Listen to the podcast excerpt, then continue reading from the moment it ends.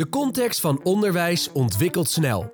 Denk maar aan hoe ChatGPT en in het verlengde AI het onderwijs doet schudden. Voor versnelling op digitalisering in onderwijs is het landelijke programma NPULS gestart. NPULS is een achtjarig programma om het onderwijs in het MBO, HBO en WO te verbeteren. Het doel is het onderwijs te verbeteren door de kansen van digitalisering beter te benutten. Alle publieke MBO-instellingen, hogescholen en universiteiten doen mee. Door samen op te trekken, het delen van kennis en het ontwikkelen en inkopen van leermaterialen maken we het makkelijker om het onderwijsaanbod snel te vernieuwen, beter toegankelijk te maken en flexibel aan te bieden. Dit alles onder het motto: onderwijs bewegen. En hoe kunnen we ons beter en, en, en opener opstellen als het gaat om leven lang leren? Dus mensen van buiten. Hoe kun je alle administratieve rompslomp en ingewikkeldheid die daar omheen hangt, wegnemen door beter samen te werken en meer te standaardiseren? Frits van der Weert en Ria Jacobi, beide NPULS sleutelleden van In Holland, spreken in deze aflevering met Berend Daan. Berend is programmadirecteur van NPULS.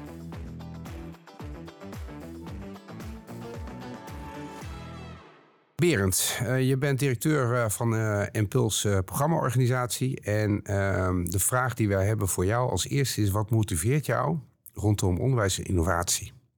Nou, ik, om te beginnen, onderwijs motiveert me. Ik vind het zelf fantastisch om te leren. Ik leer elke dag. En ehm, ik heb ook het afgelopen jaar bijvoorbeeld veel trainingen en opleidingen gedaan. En in de tussenperiode tussen mijn banen. En uh, ik merk dan ook weer hoe belangrijk het is om in die staat van zijn te zijn, waarin je uh, echt vanuit nieuwsgierigheid om je heen kijkt. En vooral in contact komt met mensen die weer een nieuw perspectief bieden op allerlei vraagstukken. En natuurlijk uh, gewoon een basisovertuiging dat onderwijs een, ja, een kritieke factor is voor ons als samenleving om goed te kunnen reageren op alles wat op ons afkomt en goed voor onszelf en voor onze omgeving te zorgen. Uh, dus ja, een, een, sleutel naar kansen voor ontwikkeling. En daarbij ook uh, een, een, sociaal engagement. Voor mij is onderwijs ook de, ja, de emancipator. Is het de, de factor die bepalend is voor of, of kinderen de kans krijgen om zich te ontwikkelen uh, naar gelang hun talent. En ik vind het gewoon heel bijzonder en mooi om daar iets aan bij te kunnen dragen. En de innovatiekant, ik denk dat, dat dat is iets wat heel erg in mijn natuur zit. Ik ben iemand die altijd kijkt naar hoe kun je dingen anders doen. Hoe kun je dingen op een andere manier bekijken. Heel erg vanuit het perspectief van patronen die er zijn ontstaan in hoe we dingen doen.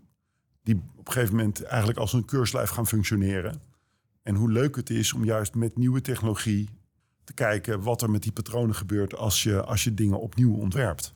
dat patronen uh, helemaal niet meer nodig zijn. Of misschien zelfs wel wat beter gezien worden als uh, voor wat ze zijn. Uh, namelijk dingen die ja, voortgekomen zijn uit een, een proces van iets ontwerpen, onderwijs ontwerpen op een bepaalde manier vanuit wat je kan, administratief, organisatorisch. Ja, en nu kan het op een andere manier. Dus misschien moeten we hele andere patronen ontwikkelen. Het op een andere manier gaan doen.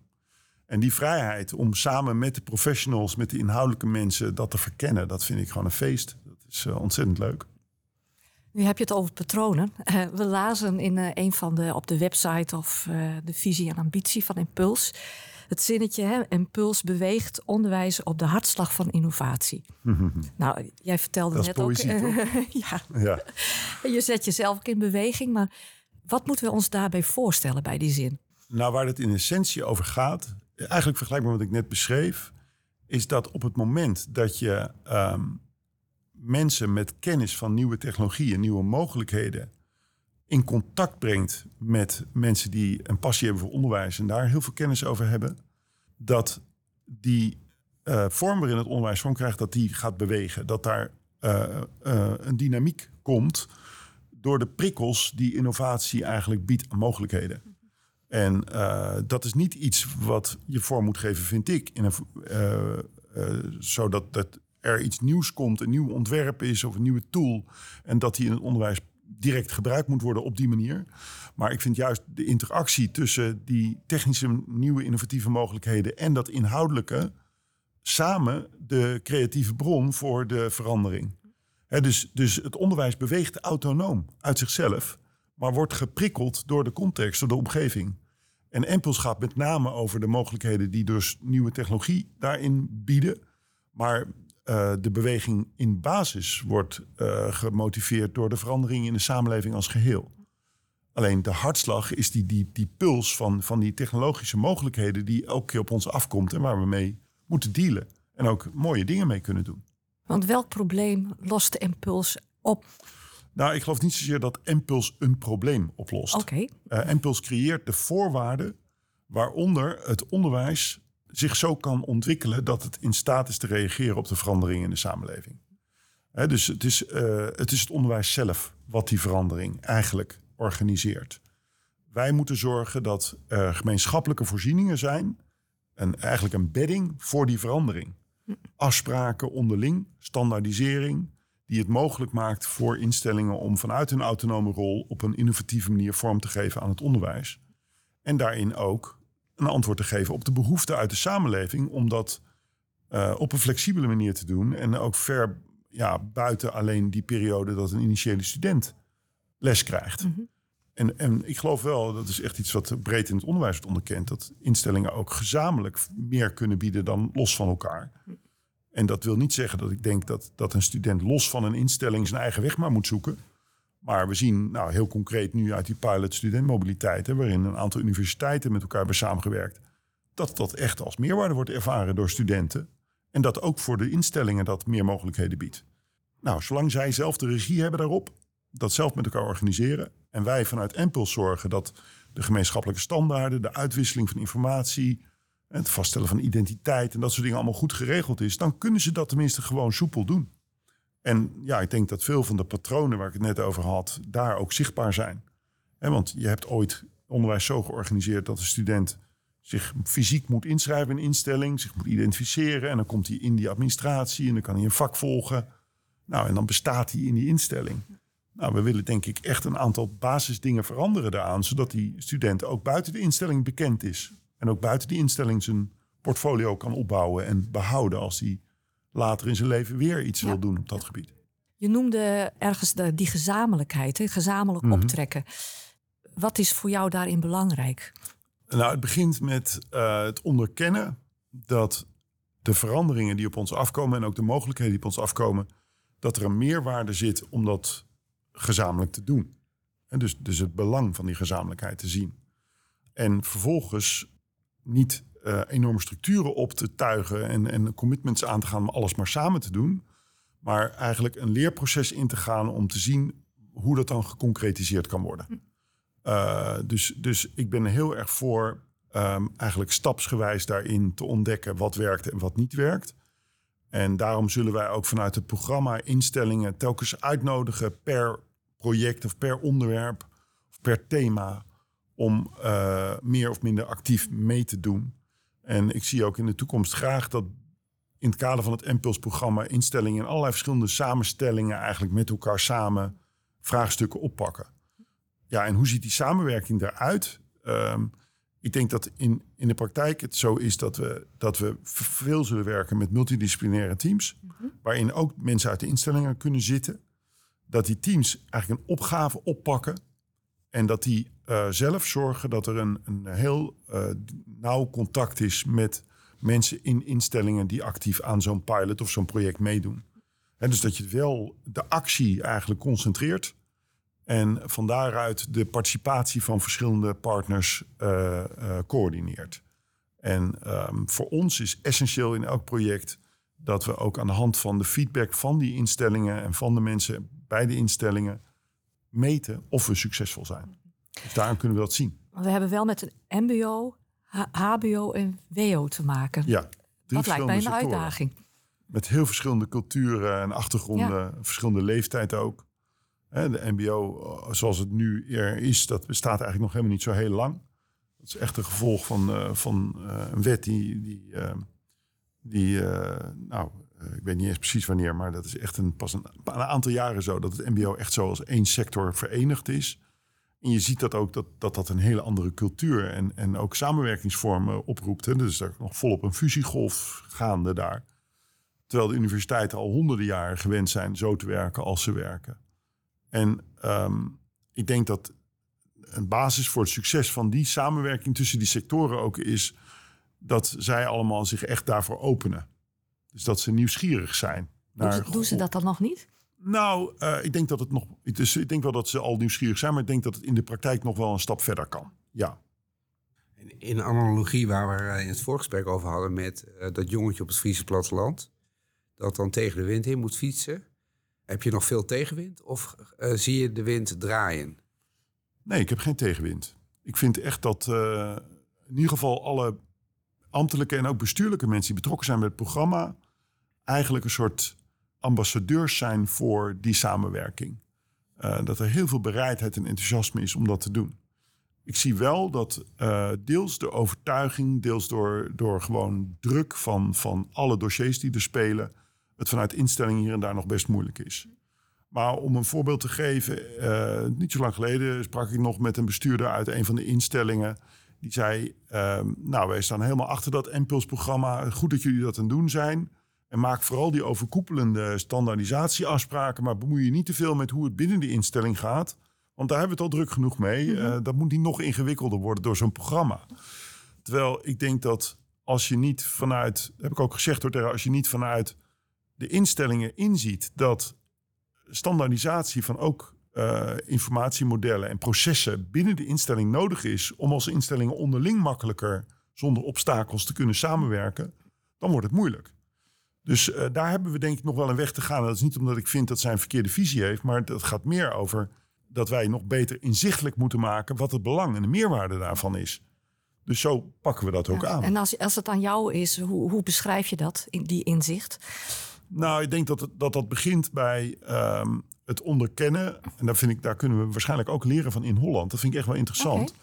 Het onderkennen dat uh, standaardisatie van processen nodig is om ook als instellingen onderling goed samen te kunnen werken. En je ziet zeker ook bij universiteiten dat soms faculteiten onderling volstrekt verschillende hm. culturen en afspraken hebben op dit gebied. En soms hangt dat een beetje ook wel samen met de inhoud van het onderwijs, maar vaak is het echt gewoon puur een cultuurding. En ja, dat, cultuur is altijd onderdeel ook van de autonomie van de instelling natuurlijk. Dus, eh, maar waar het om gaat is dat je daar open het gesprek over kan voeren. Mhm. En kan kijken van waar gaat het dan in essentie om? En hangt dit allemaal op die manier waarop we met deadlines voor inschrijving omgaan? Of gaat het eigenlijk om ja, een onderliggende houding van de mensen? En uh, de manier waarop wij met elkaar samenwerken. Ja. En kan je dat niet ook handhaven terwijl je wel een aantal dingen wel wat meer standaard, standaard afspreekt? Ja. Als ik dat hoor, dan denk ik: oké, en eh, hoe krijg je dan? Er zijn twee vragen. Hoe krijg je dan die urgentie tussen de oren? En welke fundamentele veranderingen gaat dat, gaat dat betekenen in of de, of de sector of de sector in zijn geheel? Nou, ik denk dat je het achter, eh, eh, tussen de oren krijgt door te laten zien dat het werkt. Hè, dus wij moeten niet uh, vanuit een soort overtuiging, zo gaat het iets opleveren, blind iets gaan bouwen en zeggen, kijk, het werkt. Want dan ontmoeten we alleen maar weerstand.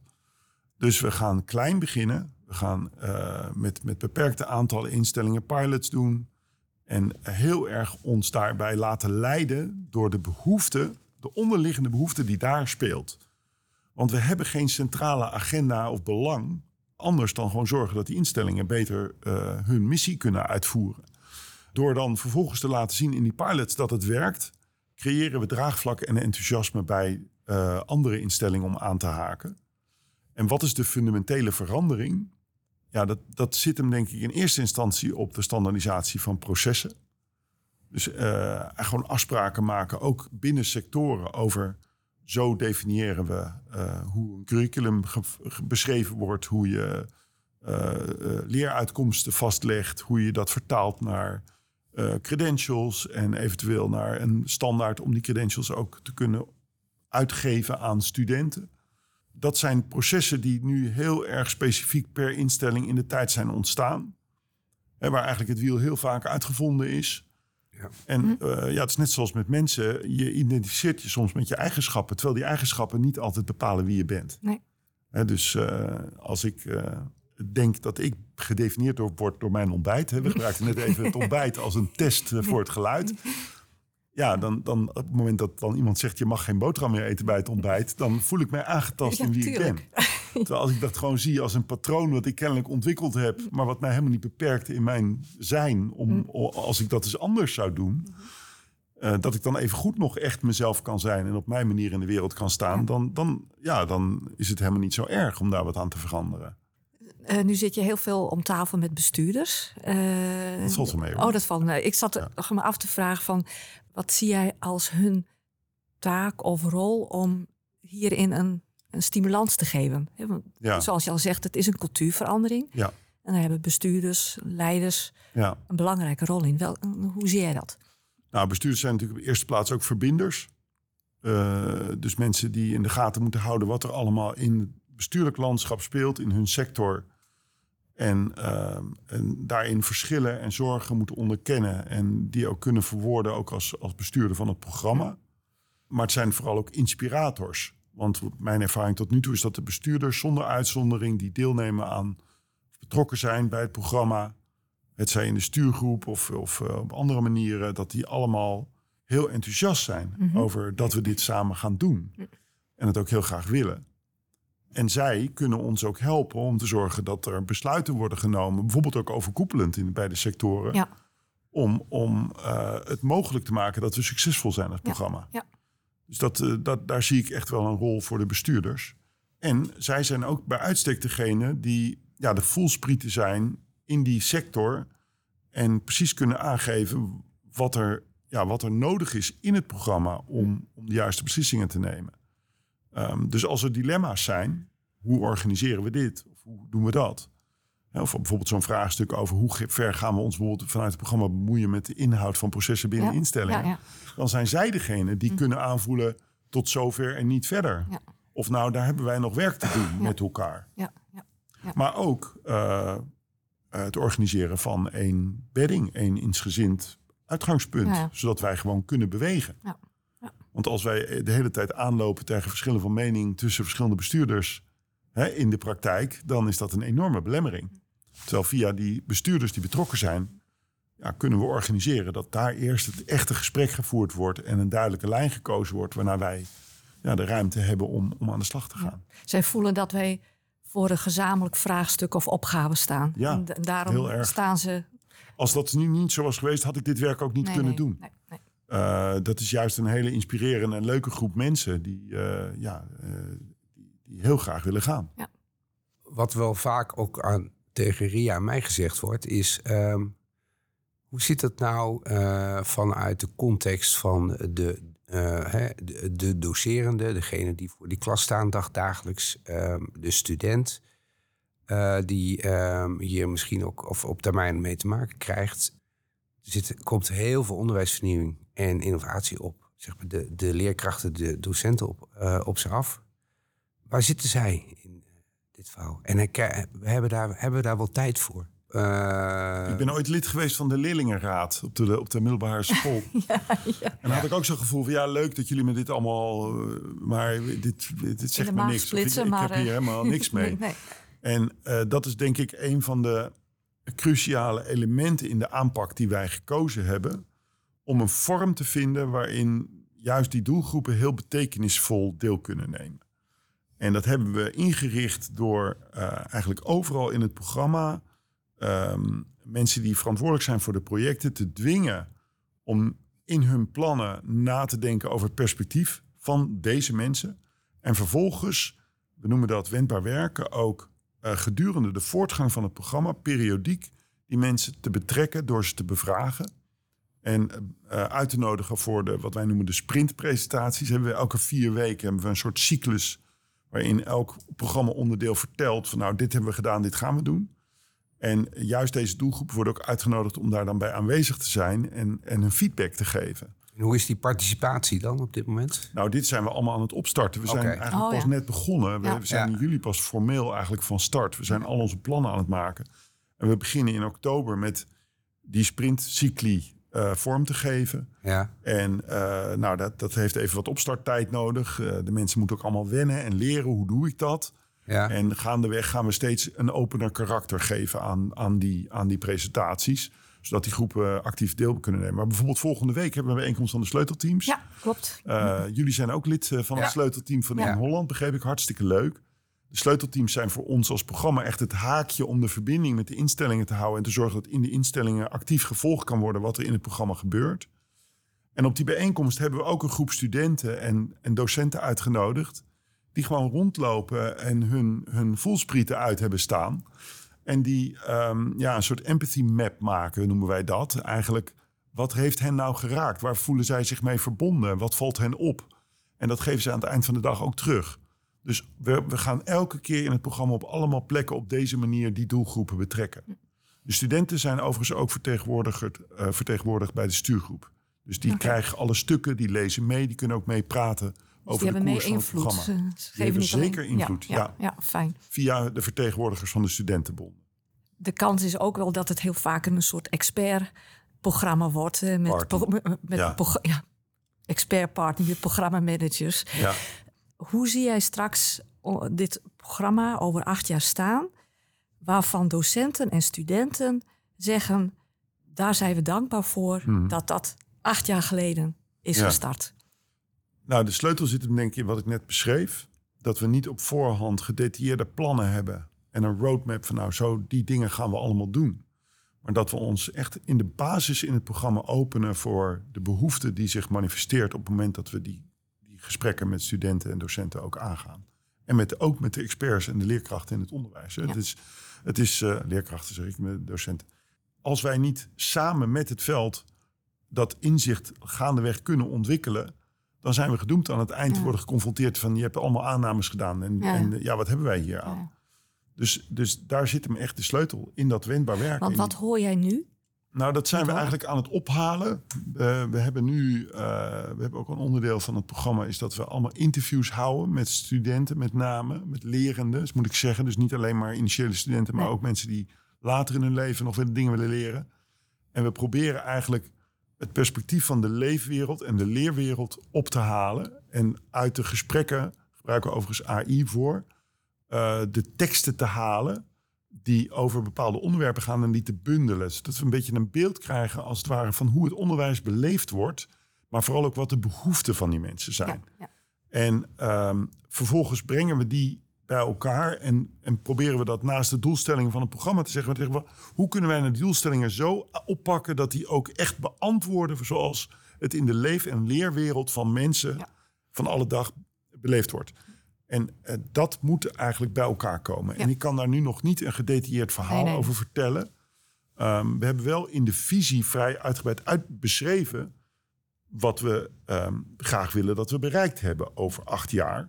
Maar dat zijn echt heel erg de doelstellingen zoals we vanuit het programma bedacht hebben. Ja. En, en ja, die match, eigenlijk die verbinding en die check op de leef- en leerwereld van de, van de lerenden en docenten, die, die zijn we aan het maken. Ja. Het is een, als ik het zo is, een hele opgave. Wat ik, wat ik zie, is dat je um, heel veel energie erin stopt vanuit het programmacontext. Het is, als, als de, de, de, de, de toehoorder, uh, het is een geïnitieerd initiatief van de koepels en SURF. Ja. En nog een aantal stakeholders uh, ja. daarin. In de mindset zie ik steeds een worsteling. Het is van SURF. Uh, herken je dat? En hoe ga je, ga je dat beeld op een gegeven moment gedraaid krijgen? Ja, dat herken ik. Uh, overigens is dat niet overal zo hoor. Um, het heeft ook te maken met een zekere gevoeligheid voor nou, de omvang van surf en de rol die zij al hebben. En, maar ik vind het juist zo mooi van Surf dat zij dit programma mede hebben uh, opgezet. En heel nadrukkelijk de keuze hebben gemaakt om het buiten zichzelf te plaatsen omdat zij zich heel goed bewust zijn van dat uh, uh, een dubbele pet voor surf in zo'n programma gewoon uh, contraproductief is. Hè, dat dat wantrouwen wekt, het idee dat surf dingen voor zichzelf gaat regelen. En dat willen we niet. Dat wil surf zelf ook niet. Dus daar is ook heel veel aandacht voor om het ook administratief en organisatorisch goed van elkaar te scheiden. En tegelijkertijd heeft het een enorme meerwaarde dat we met Surf als penvoerder een headstart kunnen maken. Dat we allerlei dingen niet apart los moeten regelen. Ik ben nu uh, sinds januari wel bezig met dit programma. Eigenlijk pas 1 juli konden we echt beginnen. Dat er toen pas duidelijkheid was over de beschikking vanuit de OCW. En we zijn al met meer dan, ik denk, 70 of 80 mensen. Nou, dat had nooit gekund uh, als, uh, als, als we gewoon vanaf scratch een organisatie ja, hadden moeten opbouwen. Ja, ja. En die mensen zijn ook al verbonden met allemaal activiteiten en, en projecten binnen de instellingen. En dat hele netwerk. Dus dat, dat heeft een enorme meerwaarde. Maar als je kijkt naar de inhoudelijke samenwerking, dan is die met MBO Digitaal minstens zo intensief. Daar zit ook een, eh, een, behoorlijk team van mensen wat al uh, nou, ook ervaring heeft met het programma Doorpakken Digitalisering. Een beetje even knie van het versnellingsplan. Waar heel veel kennis zit. Uh, ook vrij sterke bestuurlijke netwerken op allerlei onderwerpen. Um, dus, dus ja, er is vanuit de MBO bijvoorbeeld dus een, een, ook een heel duidelijk vehikel om vorm te geven aan die eigen inbreng. Um, maar het is ook wel iets waar we nu echt naar kijken. Van hoe, hoe zorgen we dat ook de opdrachtgeverschap en de koers die we varen met het programma heel zuiver via de lijn van de governance op Impuls plaatsvindt en niet vanuit Surf wordt gedicteerd. Uh, want er zijn natuurlijk altijd krachten en belangen binnen Surf. En die mogen er ook zijn. Maar wij moeten gewoon zorgen dat we daar elke keer verantwoordelijk in zijn. En duidelijk en transparant besluiten innemen. En daarin hebben we altijd het belang van het programma. En daarmee onze opdrachtgevers, namelijk de instellingen, voor ja, ogen. Ja, ja. Het motto van Impuls is onderwijs bewegen. Daar hebben we het over gehad. Ja. Tot slot, waar, wat merken wij in de komende tijd als eerste dat wij in beweging worden gezet? Wat gaat er gebeuren? Nou, ik denk op een aantal fronten. Uh, maar één is er zeker dat uh, in Holland ze worden uitgenodigd om over de grens van de eigen instelling te kijken. Terwijl jullie al een instelling zijn met heel veel vestigingen. Um, behoorlijk geografische spreiding ook. Maar dat toch jullie worden uitgenodigd om te kijken van oké, wat, wat zou, zou het voor meerwaarde voor onze lerenden opleveren als ze uh, ook uh, bijvoorbeeld een deel van het, van het onderwijs bij andere instellingen zouden kunnen volgen. En hoe kunnen we ons beter en, en, en opener opstellen als het gaat om leven lang leren? Dus mensen van buiten. Hoe kun je alle administratieve rompslomp en ingewikkeldheid die daar omheen hangt, wegnemen door beter samen te werken en meer te standaardiseren?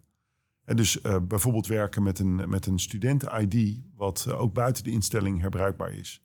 Nou, op dat gebied denk ik ja. dat er heel veel mogelijk is. Ja. En uh, ja, sorry dat ik moet zeggen, maar digitale leermaterialen. Uh, veel meer gaan delen op dat gebied met inst andere instellingen. Investeringen die je doet, laten uh, ja, opnieuw hun werk laten doen bij andere instellingen. En niet altijd vanuit het perspectief van nou, dit is van ons en alleen voor ons.